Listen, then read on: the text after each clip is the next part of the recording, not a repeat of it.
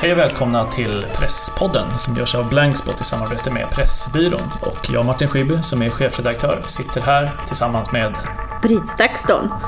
Jag är ju mest känd som mediestrateg, kanske författare för några. Men här är jag ju VD också. Ja. Men vi ska inte prata så mycket vd-skap tror jag. Men ändå.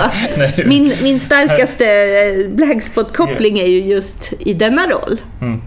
Och verkligen ett av liksom, nycklarna tror jag att Blankspot klarade det, just de här olika kompetenserna som eh, finns i Blankspot. Man har olika strängar på sin lyra. Ja, det är det man måste ha. Ja. Ja, det har vi pratat ganska mycket om under våren, det här Ja. med entreprenörskap och så. Vi har ju en massa, vi funderar ju och har väl inte riktigt landat vart, vart vi är på väg. Men här tänkte vi väl berätta lite vad som är på gång. Mm. Så, liksom, som vi ser framför oss just ja, nu. verkligen. Och en av grejerna i podden, vad man gör och vad man håller på med. Jag gästade ju en annan podd eh, nyligen, Just, Framgångspodden. ja, det ser jag fram emot att lyssna. Hur ser framgång ut? Jag kanske kan få bra tips av dig. Vi båda skrattar. Nej, men det är, det är apropå det här att vara ute och trampa vatten. Ja. Eller trampa vatten, trampa nya vatten ska man säga. Trampa ny mark, ny Ja. terräng. Eh, vad gäller blankspot eh, spottandet. Det här att liksom göra journalistik men också driva bolag eller bygga ett bolag. Ja. Som gör, ingen av oss är ju någon VD-typ, men du fick ju den hatten Ja. på dig. Så försöker vi.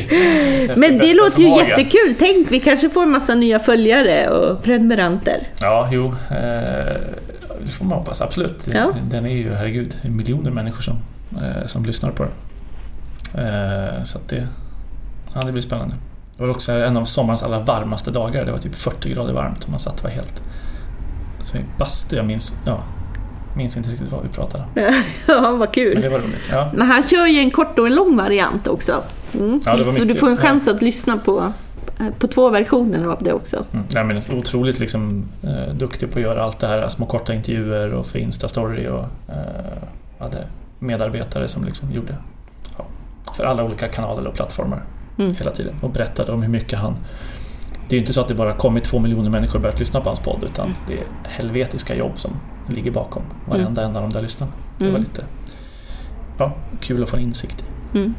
Men du är ju fullt, varit full fart eh, länge. Skrev senast i, eller intervju, pratade senast i Svenska Dagbladet om eh, valrörelsen. Ja mycket Ja. sånt ju. Valrörelsen och hur det ska bli fram till valet. Eh, och är det någon eh, påverkan som sker eller inte? Vi får väl se vad som händer. Men det jag kommenterade idag var väl en ny undersökning som Svenska Dagbladet själva hade gjort och som de, de kunde se att de här minsta nya partierna tar väldigt stor plats på nätet. Och det är ju inte förvånande. Det är ju det vi har eh, till vårt förfogande idag. Att om man tycker att valrörelserna tidigare, att sociala medier hjälpte till att förstärka de eh, rörelser som fanns, att man liksom hade distributionskanaler till sina verk, till, i sin verktygslåda, så är det ju nu så, så väldigt lätt att vara ett par stycken.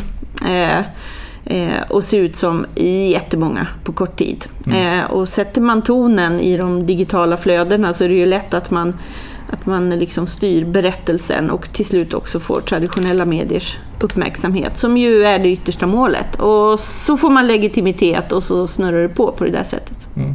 Men det känns ju som att det här har ju alla pratat om väldigt länge. Ja. Att varna för det här och se upp för det här. Och nu Ja. tre veckor innan valet så är vi... Ja, gör alla det ändå på något sätt?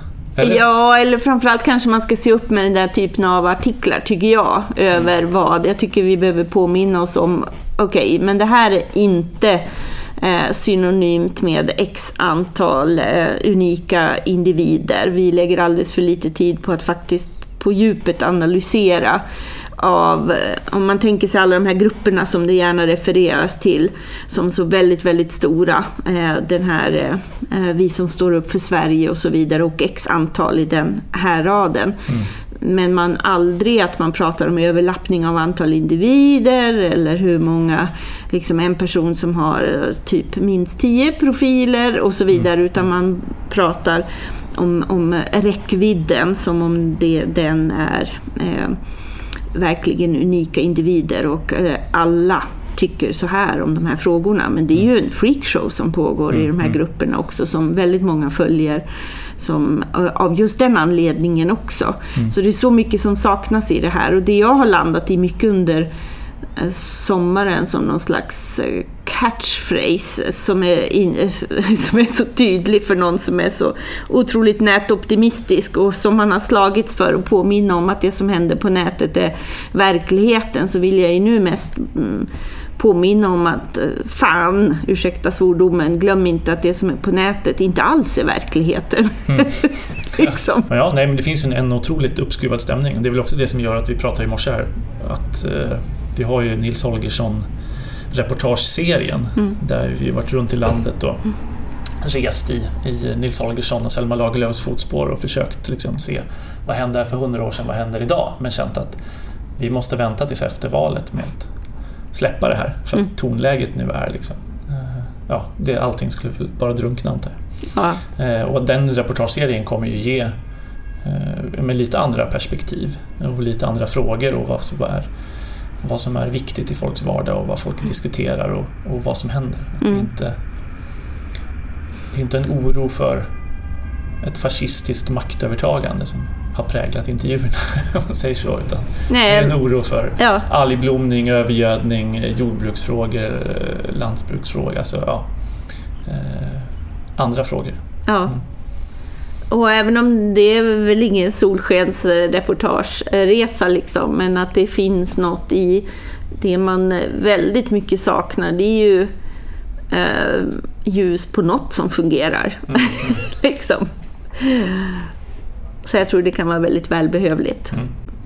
En annan otrolig händelse, i morse så vaknade jag av ett eh, meddelande på eh, Facebook att eh, vår Eh, blankspot-praktikant var han faktiskt en period, eh, men eh, visselblåsaren Abdullahi Hussein som ju jobbade nära presidenten i Ogaden-regionen när jag gick in där och valde att bli visselblåsare och fly med filmmaterial som visade på övergrepp och våldtäkter, tortyr och tog sig till Sverige och det har ju blivit två, en, en dokumentär i SVT och en för, för Al Jazeera av hans material. Men han har nu återvänt till Etiopien. Helt otroligt Ja. är det ju. Alltså utvecklingen i den Ja. regionen förtjänar väl kanske ett litet segment i det här snacket. Eh, Ja. eh, Det har ju hänt mycket i sommar. Ja, Men just det, att han är där nu, det är ju helt otroligt. Vi tackade ju av honom före sommaren. Alltså, och då pratade vi ju lite om, kommer han någonsin kunna återvända och sådana saker. Tänk vad snabbt det går. Mm. Otroligt.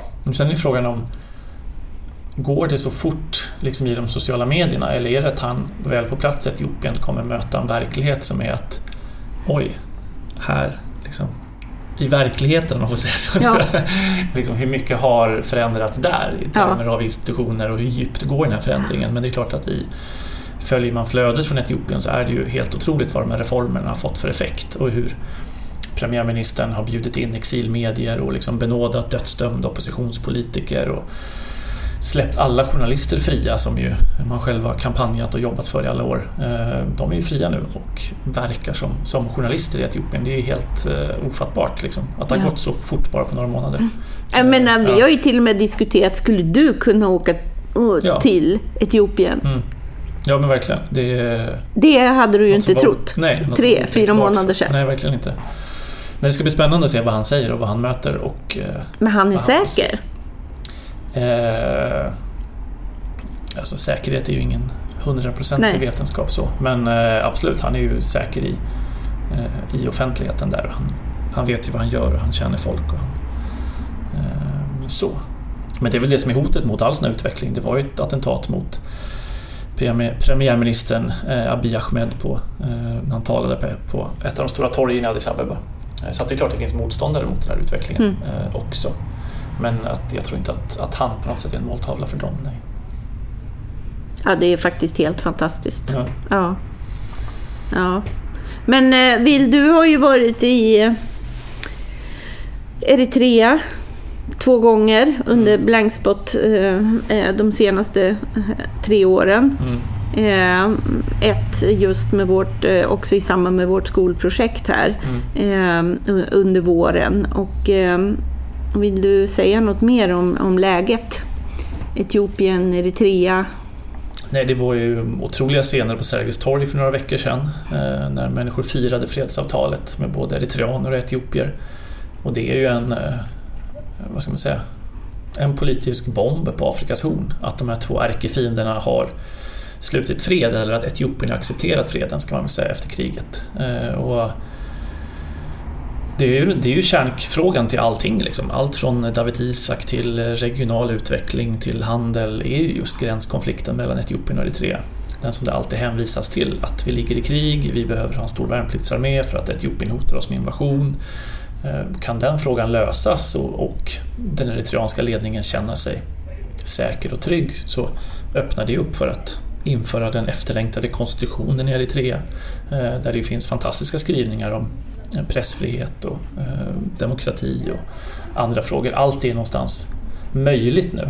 Sen kommer det ju ta tid såklart men det är ju en, en, en, en oerhört positiv nyhet att Etiopien accepterar det här. Och det beror ju på att eh, det har varit sådana protester i Etiopien. Det beror ju på att hela landet har kokat och att situationen till slut blev helt ohållbar för den förre premiärministern Haile Mariam Desalegn. Så han avgick ju och sa att jag avgår för att rädda landet från inbördeskrig. Det sa han inte i princip, men det var liksom outtalat att mm. avgår för att rädda landet. Eh, och sedan dess har det ju eh, rasslat på och jag tror alla blivit förvånade över reformivern och takten hos Abiy Ahmeds reformer. Så att det nej, det är en otrolig utveckling som man önskar att man hade kunnat få beskriva på, på nära håll också. Mm. Eh, och det mm. kanske kommer, mm. eh, kommer att ske. Jag hade ju gärna återvänt både till Etiopien och Eritrea i närtid. Mm. mm. Men det är en eh, det är en månad sedan ungefär och nu har det varit lite tyst. Mm. Det, vad är det ett tecken på tror du? Jättebra att de jobbar på och har massa möten och i olika kommittéer och grupper. Och det är ju en sak att liksom acceptera fredsavtalet men det är en annan sak att börja dra tillbaka soldater. Vad händer med alla de här människorna som bor i det som då kommer bli Eritrea nu? Eh, etiopiska liksom medborgare. Eh, hur ska den eh, dispositionen gå till? Eh, ska det in med någon typ av internationell trupp och övervaka det här? Afrikanska unionen eller något grannland?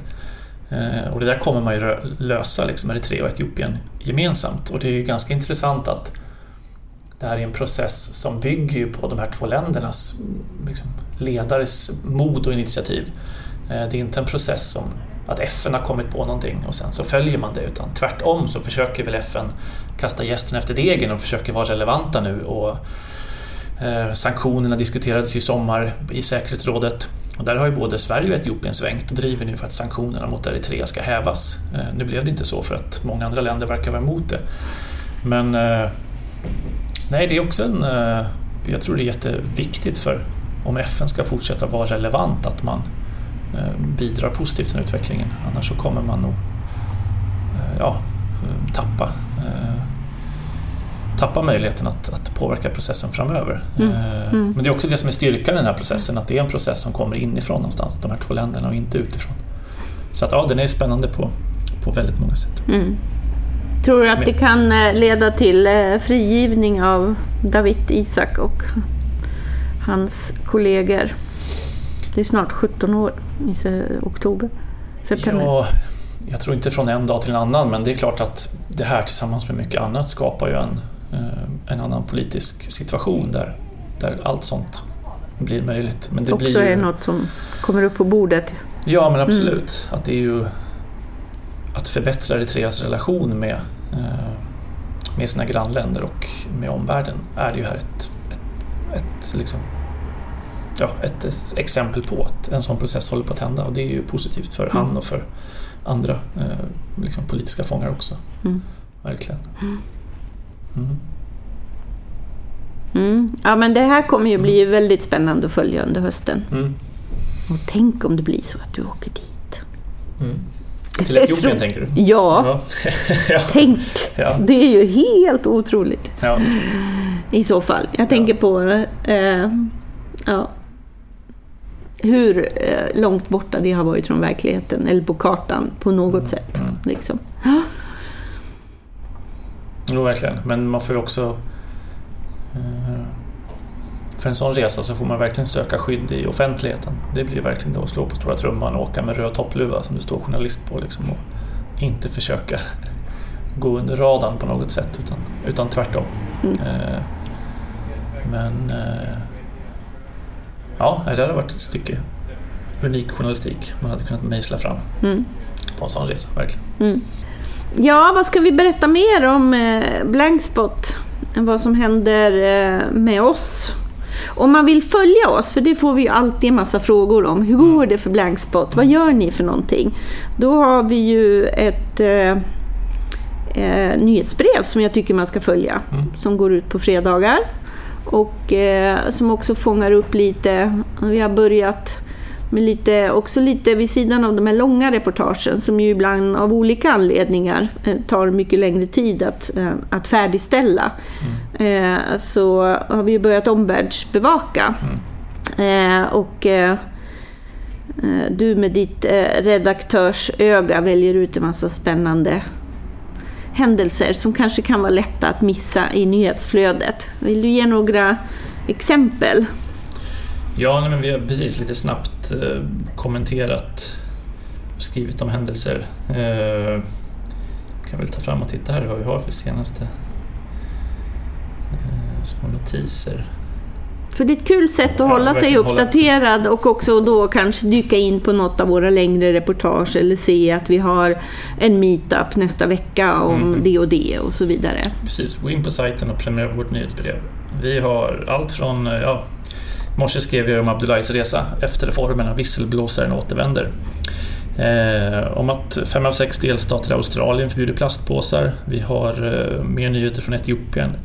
Många som kräver att han ska agera mot våldet i Ogaden och Romoregionerna. Eh, ONLF har gått med på eldupphör. Eh, Dominica förbjuder plast och frigolit. Eh, vi har om Sverige och säkerhetsrådet och fångar släppta mot borgen i Eritrea. Ja, smått, smått och gott från mm.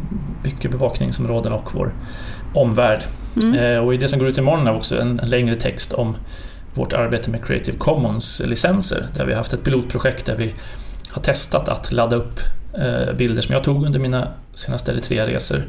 Dels på Wikimedia Commons men också i Google Maps. Eh, med hänvisningar till reportagen då, eh, som ju finns översatta. Och det där har ju gett mersmak. 200 000 har jag nu sett bilderna. Eh, roligt. Så att det är ett sätt att få fler att hitta vår journalistik och nå ut med vår journalistik till flera genom att jobba med Creative Commons eh, licenser eh, och göra vårt material fritt för andra att återpublicera och berätta om och det, eh, ja, det tror jag mycket på. Vi har också hittat en samarbetspart där i IRIN som ju gör nyheter från konfliktområden runt om i världen. Eh, att de översätter saker vi gör och vi översätter saker de gör. Och det gör också att vi kan få eh, kvalitetsjournalistik från en mängd eh, platser regelbundet. Så att det kommer man också se om man följer vårt nyhetsbrev, de, mm. de översatta reportagen. Mm. Och så ska vi vara på Bokmässan. Mm.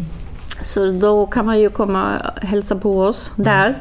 Det verkar sånt som folk har kommit igång med nu tycker jag också. Jag har fått massa seminarieförfrågningar för mm. Bokmässan mm. under den här veckan. Och så. Men det är ju ett par veckor efter valet, det blir mycket reflektion över det. Men vår erfarenhet är ju att eh, Bokmässan är för oss en fantastisk mötesplats med eh, våra läsare men också för att marknadsföra Blankspot till nya läsare. Så det ska ju bli kul. Mm. Eh, vi är på övervåningen, så om man är där och strosar, komma förbi. Eh, sen skolprojektet förstås. MIK-frågan eh, känns ju bara mer och mer central, apropå det vi inledde med också. Eh, förmågan att se igenom eh, vad man möter på internet, att ställa sig ett par frågor om var kommer det här ifrån och varför och så. Eh, och då är det väldigt roligt att eh, vårt skolprojekt ingår också i en sammanställning som Ulla Karlsson har gjort på uppdrag av Nordicom. Dels är det en, en, en viktig och bra beskrivning av, av MIK-frågan, medie och informationskunnighetens roll i, i en demokrati och i det, det utmaningar som finns i, i den digitala utvecklingen. Och sen är vi med då som ett av tio praktiska exempel. Och mm. det känns väldigt, väldigt roligt. Men det är väl det man måste gå, att, från att prata om MIK till att faktiskt göra saker ja. om det som ja. vilket ju är själva kärnan i vårt projekt. Ja, mm. Och om det här eh, allvarliga hoten mot journalistiken och ifrågasättandet av hur journalistik, eh, liksom, ja, men journalistikens roll överhuvudtaget så tror jag att det finns inget bättre sätt än att faktiskt visa hur man gör mm. och också ta med sig engagerade läsare som tror på journalistik. För de finns det ju gott om också och låta mm. dem eh, efterfråga och ställa krav på att bra journalistik finns. Det var ju därför vi startade Blankspot och där någonstans känns det som man kretsar fortfarande. Så det söker vi ju mer stöd för, men om man är intresserad och lyssnar på det här som lärare eller engagerad i MIK-frågorna så får man gärna höra av sig till oss. Mm. Eh, så hoppas vi kunna kicka igång redan i, nu till höst med en ny omgång. Mm. Mm. Ja, annars nästa vecka är det säkerhetskursar i lokalen. Eh, från tidig morgon till sen kväll. Vi ska drilla eh, kollegor och oss själva i allt från sjukvård till riskanalyser till eh, säkerhetsbedömningar och vi kommer att ha föreläsare Joakim Edin kommer komma och prata hur det är att jobba i auktoritära länder som Ungern till exempel. Han har skrivit en bok från Ungern nyligen eh, och även om sina erfarenheter från Syrien. Även Johan Gustafsson som vi satt fem år kidnappad i Mali kommer att berätta om sina erfarenheter för deltagarna. Så det är ju en eh, unik kurs som visar att det är inte så att vi tar lätt på de här frågorna om säkerhet. Absolut inte Nej. från Blanksports sida alls utan vi har ju, det är andra kullen som då utbildas eh, och vi har ju känt att ett behov att ha en speciell utbildning för de reportrar som vi jobbar med eh, där vi vill att de ska få med sig verktyg och en syn på säkerhet som kanske också är att det är inte skyddsvästar och hjälmar alltid som hjälper en utan tvärtom en kulturell förståelse, en förståelse kring språk, att ha vänner och förstå kulturer och det är så man håller sig säker genom att vinna acceptans. Och då går det att göra även reportage som framstår som helt omöjliga om man väl jobbar på det sättet. Mm. Så det är en väldigt speciell kurs som det är kul att kunna hålla eh, nu igen här. Nästa vecka eh, när vi kommer ha säkerhetskurs här, mm. då kommer jag vara just på en eh, två dagars MIK-konferens mm. i syfte att få upp en massa goda idéer och förslag på vad som kan bli tema för en MIK-konferens, en global MIK-konferens som ska hållas i slutet på 2019. Mm. Men eh, för mig väldigt nyttigt just nu att få en väldigt god koll på hur ser alla andra MIK-initiativ ut och så. Jag tror att vi är lite unika i just chansen att få följa dig ut i fält liksom, mm. och verkligen vara nära dig i dina tankar och funderingar eh, mm. kring vinkelval, intervjupersoner och att det blir så väldigt handgripligt över vad journalistik betyder mm. och hur olika det kan se ut i i, eh, i olika länder i världen. Mm. I vårt magasin så skrev vi lite om det, hur det har varit mm. med 20 skolor och 1200 elever. Och Idag tidigare på dagen så var grundskoletidningen här och fotograferade inför ett reportage om just vårt MIK-projekt. Mm. det kommer nog vara fler skolor som hoppar på det framöver. Mm. Mm. mm. Sen ska jag eh, prata om eh, just det här med eh, det manipulerade offentliga samtalet på en eh, konferens som heter Me Convention mm. eh, ihop med René Di Resta och Brett Schaefer som båda är otroligt duktiga på det här. Mm. Eh, så det ser jag fram emot, det ska bli spännande. Mm. Men du har fått segla lite? Ja, alltså familjeseglingsmässigt så har det varit en fantastisk sommar. Jag har aldrig seglat så mycket. Alltså Vad seglat ehm, ja, var och varannan dag hur mycket som helst. Men däremot kappseglingarna har, det har verkligen varit en lång radda med besvikelser och tillkortakommanden och felaktiga beslut. Och, ja. Det låter som eh. rena ledarskapsträningen. alltså det. Ja, det innehåller ju så mycket det där. Eh, första seglingen var ju en, blåste nästan ingenting. Eh, I princip stiltje. Och jag har ju en stor tung båt så att den hade ju inte någon fördel av det alls. Det var väldigt tuff segling och den gick väl att sätta på det kontot liksom. Och nu senast här i helgen så blåste det ju alltså 10 sekundmeter med byar på 14 och det är egentligen så alldeles för mycket för liksom, den här allmogebåten som jag har. Eh, så att då körde vi med revat segel, det vill säga halvt segel och eh, pyttesmå försegel, det minsta vi hade att hänga upp. Och det blev liksom för lite segel så vi kom ju ingen vart. Eh, och eh, Men det var ju så här eh, safe liksom. Det blev väldigt säkert. Mm, och, Kom en- sist båda gångerna? Ja, det kom sist Nej. båda gånger. Men, ja, jo, det gjorde vi. Men det går inte, vi- alltså, det är åtta olika båttyper, alltså Mm. olika båtar så att det är inte riktigt så. Men ja, jo, vi kom sist båda gångerna. Eh, Och det är ju demoraliserande alltså. Det finns ju olika saker man kan jobba med. Liksom, du kan jobba med båten och du kan jobba med vinden och sen med just manskapet ombord på båten är ju svårt liksom, att hålla uppe geisten när man ligger sist och långt efter också. Vad elak jag är, ska inte skratta. Ja, nej, men, det, men det är bara att ta nya tag. Eh, sy nya segel och träna och öva. Sy Eh, nya segel, gick de ja. sönder? Nej, men man kan ju alltid ha större och mer. Ja, ja. Mm. Eh, ja, men jag var med, men, eller inte jag, men jag var på ön, hade seglat ut till en ö eh, och två andra båtar av samma typ kom ut seglande. Och det blåste ganska kraftigt den också, så en av dem slog faktiskt runt eh, och eh, sjönk. Eh, så att Oj. fyra personer hamnade i vattnet och eh, blev upplockade av en följebåt. Men det var ganska, också en händelse som präglade sommaren en hel del. Att eh, se hur snabbt det går och se att just den båttypen som jag har, den har ingen köl utan det är bly i botten vilket gör att, eller blyklumpar, att eh, den sjunker ju om båten blir vattenfylld och det går väldigt snabbt. Sjunker liksom på 10 sekunder. Till Så- botten? Ja, står på 46 meters djup nu med segel upp, allt som ett spökskepp. Eh, de har försökt bärga den på olika sätt men 46 meter går ju inte att dyka ner på vanligt sätt utan Nej. det måste ju special... Och det kostar ju liksom mer än vad ja, de här båtarna är värda så det är väl en, en fråga för arkeologin kanske. Eh, men det var ju också en händelse som gjorde att man blev väldigt försiktig. Ja. Jag tror också det spelar Ja. roll i val av beslut och sådär. Mm. Sen var det också skönt att köra en kappsegling i hård vind och känna att så här, nej, men det går ju faktiskt. Eh, att övervinna den rädslan lite grann. Men det har ju präglat den. Sen gick det ju väldigt bra. De, herregud, eh, ingen fastnade i någon tamp och alla hade ordentliga flytvästar och de eh, kom in till, till land men var ju såklart chockade och skärrade. Mm. Apropå hur fort, fort det går. Ja. Mm.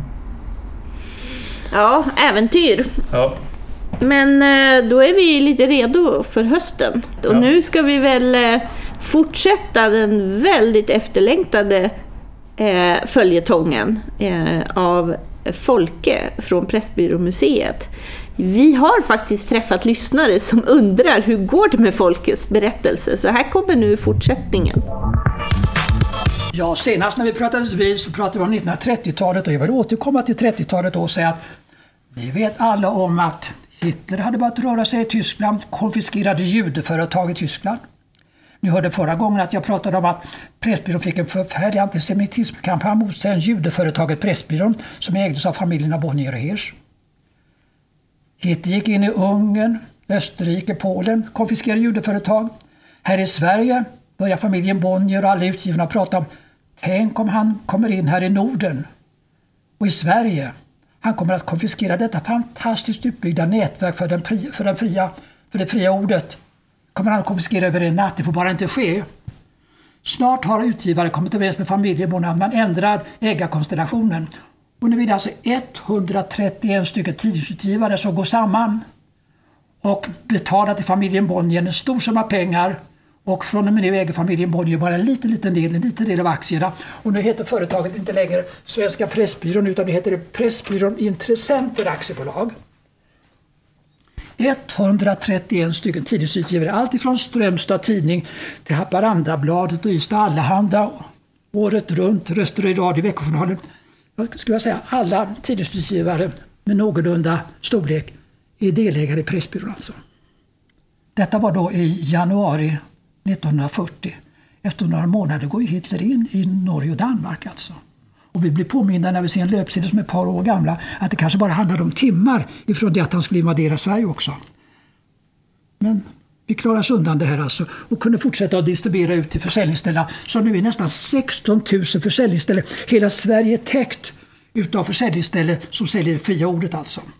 Och alla försäljningsställen har då leveranser genom Pressbyrån. Det är alltså ett grossistbolag som är större än i något annat land. I Danmark hade man två grossistbolag i detta lilla land. I Tyskland hade man 60 grossistbolag. Var jag tidningsutgivare måste jag alltså gå till 60 olika grossister för att få ut min tidning i hela Sverige.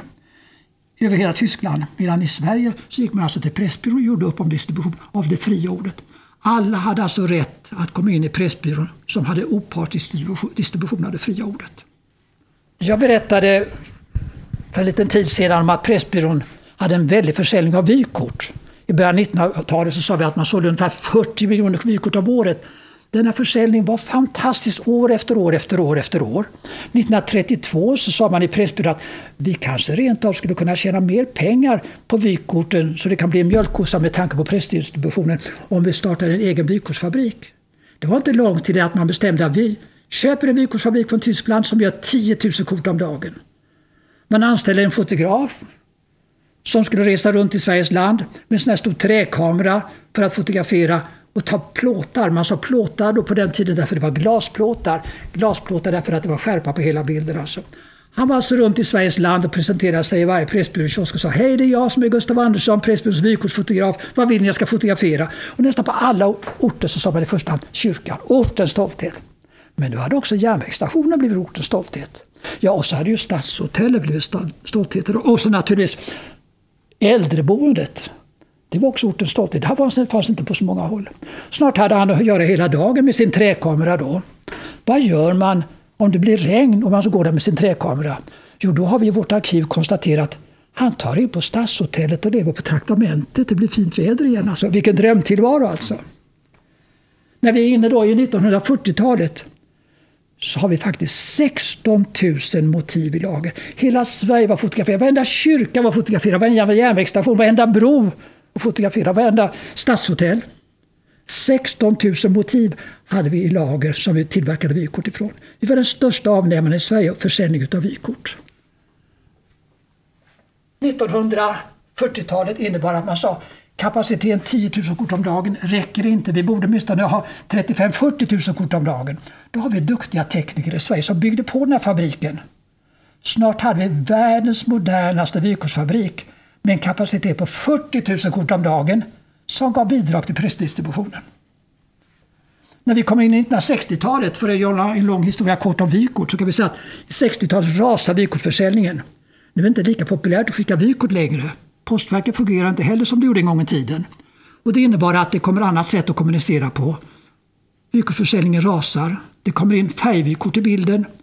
Och så rätt vad det är så ser man i Pressbyrån fabriken går inte med vinst längre. Den går med förlust. Det får inte gå med förlust. Den ska ge avkastning till pressdistributionen. Annars får den skrotas. Vi skrotar fabriken. Skickar iväg den till skroten med 16 000 glasplåtar. Mannen som la grunden till museet, som heter Tage Törnqvist, hörde talas om det här fick undan en bil åt sidan, plockade av den 4100 glasplåtar som vi har här i vårt museum och katalogiserat så man kan hitta ganska lätt det man söker om vi har det alltså. Här kommer ständigt optimister och frågar har ni möjligen det eller det vykortet? För inte länge sedan var en person i Eksjö som ringde och sa Har ni möjligen vykortet från Eksjö? Ja, vad då? sa vi. Ja, vi har nämligen vi ska göra en bok med ledning av vykort om Eksjö före bränderna och Eksjö efter bränderna. Vi har massor av vykort, men vi tror att det finns tio vykort vi saknar som har stått Pressbyrån på. Tänk om ni har dem? Vi kollade mycket riktigt, vi hade dem. Förra året gav han ut en presentbok med alla dessa vykort. Och han sålde slut hela upplagan faktiskt. Nu har han kommit tillbaka till oss och sagt att jag tror jag ska göra en bok om Stockholm. Så nu har han lånat 80 motiv av oss när det gäller Stockholm. Vi får se vad det blir utav det. Och tillbaks från Pressbyråmuseet är det dags att säga tack och hej. Gå in och följ oss, vårt nyhetsbrev, vårt nya nyhetsbrev. Eh, bör Måste inte missas. följas. Måste följas. Prenumerera på det. Och eh, håll utkik i alla möjliga kanaler för vad vi hittar på. Mm. Mm. Vi har ju tänkt podda varje vecka. Vi gör det lite lätt för oss. Mm. Om vi inte har någon gäst, då har ju vi alltid massor att prata om i alla fall. Mm. Det har vi. Och vill man vara med så är det bara att höra av sig. Ja. Och komma hit. Ja. ja. Vi säger tack och hej. Tack och hej.